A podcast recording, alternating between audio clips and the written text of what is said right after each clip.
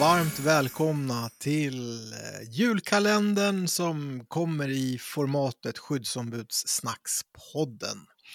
Julkalendern som vi har eh, haft 23 luckor, eller 22 luckor, det här är den 23. Fantastiskt Christer, eller vad säger du? Ja, men jag, jag sitter och funderar på ditt hallå där som var lite... Det, det, som du kom direkt från Göteborg, hallå där, eller något sånt där. Äh, jag kan det inte tyckte jag lät mer värmländskt än göteborgskt. Ja, vad, vad, då, vad då, dålig jag är på Ja, men någonting du är bra på är ju att eh, dölja din uh, närkiska, närkingska. Mm.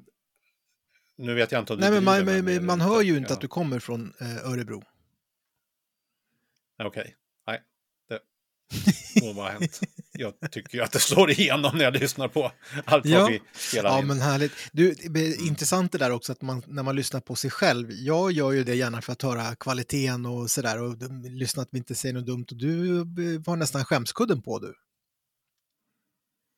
Ja, de flesta gånger så tycker jag att det är jobbigt. Sen finns det några gånger som, ja men det där blev bra. Snacka om eh, att vi alla vill prestera. Du, jag har frågat dig hur du mår. Du har sagt att det är bra, tror jag. Eh, och jag mår bra. Ja, eh, vad, det är 23 dag, mm. då ska väl allting fram. Är du i ordning ja. med julstöket? Absolut, det har jag varit länge, så på den fronten, check. Det som kvarstår idag, det är uppesittarkvällen som jag ser fram emot. Och det här har vi pratat om redan eh, i förbifarten innan den 23 då pratade du om baconlindade dadlar, att det eventuellt skulle kunna bli som en kanske inte. Och då tänkte jag så jag har aldrig smakat baconlindade dadlar. Nu är jag i och för sig vegetarian så jag kommer inte smaka på dem ändå, men ett bra tips kanske? Ja, jag börjar bli orolig om det verkligen finns baconlindade dadlar. Men okej. Okay. För jag tänker de ska ju in i ugnen då. Men det, låter ja. rimligt. Men dadlar kan man väl ha i ugnen? Ja. Ja, de där de är ju torkade dadlarna, så de blir ju bara lite mer torkade. Mm. Ja, men det, det, det bör ju funka, så det finns nog. Det, och det har jag nog varit med om, tror jag. det är bra.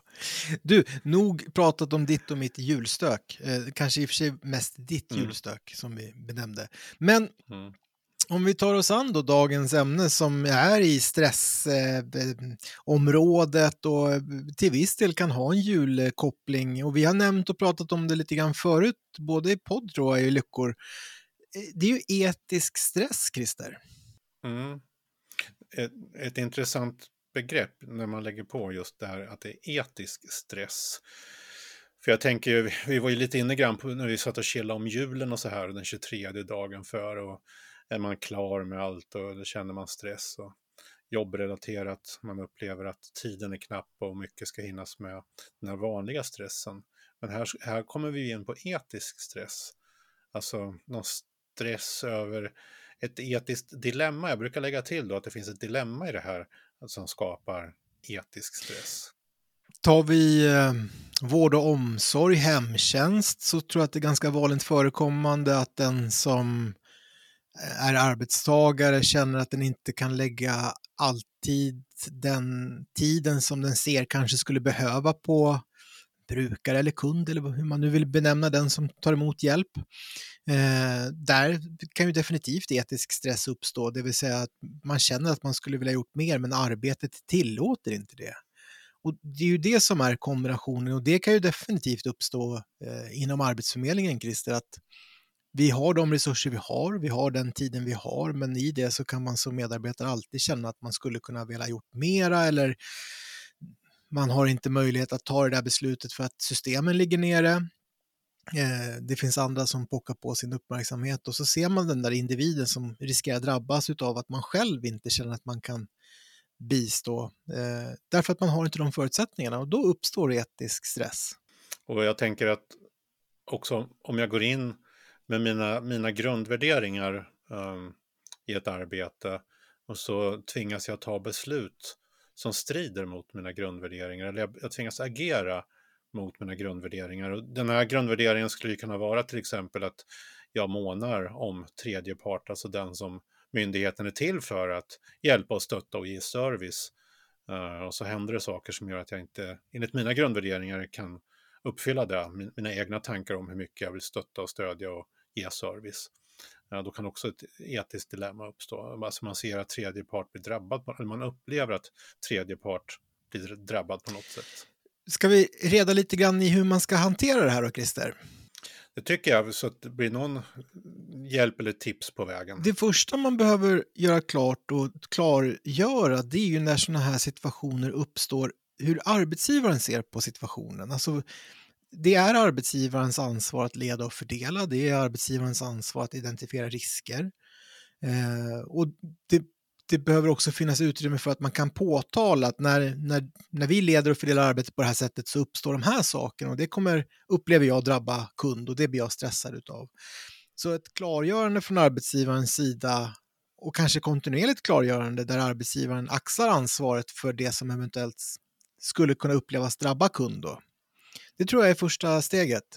Absolut, det där är ju väldigt bra Mattias. Och där behöver man ju då som medarbetare för när det, när det ligger på ens grundvärderingar så är det ju svårt tror jag att gå, lämna dem och tänka att ja, men det är någon annan som tar kommandot över det här. Mina grundvärderingar ligger här och därför anser jag att. Men sen säger chefen att släpp det på något sätt. Eller jag, tar kommandot över det, eller jag, jag tar ansvar för det här. Och, och titta på det här. Att man ändå kan lita på det och ha tillit till, okej, okay, det, det är chefen som leder och fördelar arbetet. Jag litar på att de beslut som kommer tas blir bra för kunden, för den tredje parten. Jag tänker också, det, det, slår mig nu, utan att värdera utan snarare konstatera så kommer det finnas personer som i samma situation kommer uppleva olika saker och det, det är fullt naturligt. Eh, och det måste man också ha med sig och ha respekt för att du, Christer, skulle kunna acceptera och tycka att det inte är något konstigt alls att du inte hinner med de här sakerna just nu, utan det får, det får du ta imorgon helt enkelt och det får bli som det blir, det är inte ditt ansvar. Jag skulle kunna uppleva en enorm stress kring att eh, hamna i en sån situation och det är just där det är viktigt att arbetsgivaren kliver fram och klargör att det här är, det här är mitt, mitt ansvar, jag som tar ansvar för det här, men jag vill att ni utför arbetsuppgiften, men jag tar ansvaret. Den andra delen är väl just det också att konstatera att det finns olika sätt att se på situationer och ha respekt och förståelse också arbetstagare emellan. Att inte värdera eller hur kan du inte tycka det eller hur, varför tycker du så utan snarare acceptera att vi ty kan tycka och uppfatta olika. Och det är oftast i, i, mm. i form av samtal tänker jag Christer. Ja, för jag, jag, tror att det här ligger på individnivå, den här etiska stressen. Det skulle ju självklart kunna vara en, en gruppnivå också, att man eh, kollektivt har en och samma grundvärdering och uppfattning om någonting och då tillsammans känner den här etiska stressen. Men vad sjutton, vi kan ju inte hjälpa dem vi är till för och sådär. Men jag tror också att det finns grader i det och då är man ju nere på det som du säger Mattias, det individuella planet, att vi hanterar den etiska stressen olika. Slutligen, eh, varför inte använda sig av riskbedömningen som är ett förträffligt verktyg att, att eh, få fångst på eh, nu kanske man inte ska liksom ha en specifik riskbedömning för etisk stress, risken för etisk stress, men man skulle definitivt kunna ha med det som eh, om man upplever det som det en risk i till exempel årsarbetet för arbetsmiljöarbetet, då behöver vi ha in den här punkten där vi har identifierat den som en risk på vår arbetsplats och då ska vi ta med oss den där. Så tre konkreta saker där Christer i, i, i ett ämne som kan drabba oss olika, väldigt olika. Mm, jag tänkte också den här tredje punkten, att ta in det i en riskbedömning eller prata om det på APT, att lyfta fram begreppet etisk stress, för då tror jag att man ur det man idag säger stress så tror jag man kan lyfta ut en andel ur den delen som etisk stress så att man ändå kan prata om det. Så man börjar sortera lite grann vad, det, vad är det för stress som jag eller vi upplever för någonting. Och den etiska stressen då som bygger på mina grundläggande värderingar krockar med någonting så kan man också via dialog Ja, men det. Eh, kloka tankar Christer och med de klokskaperna så eh, tar vi oss eh, ur den här luckan genom att tillönska er alla en fin uppesittarkväll och hoppas att eh, paketinslagning, eh, baconlindade dadlar och allt vad ni nu än kan ta för er går väl. Kanske man skulle riskbedöma nästan, Christer, uppesittarkvällen. Ja, ja, kanske det, om det finns några risker i det. Tack så länge.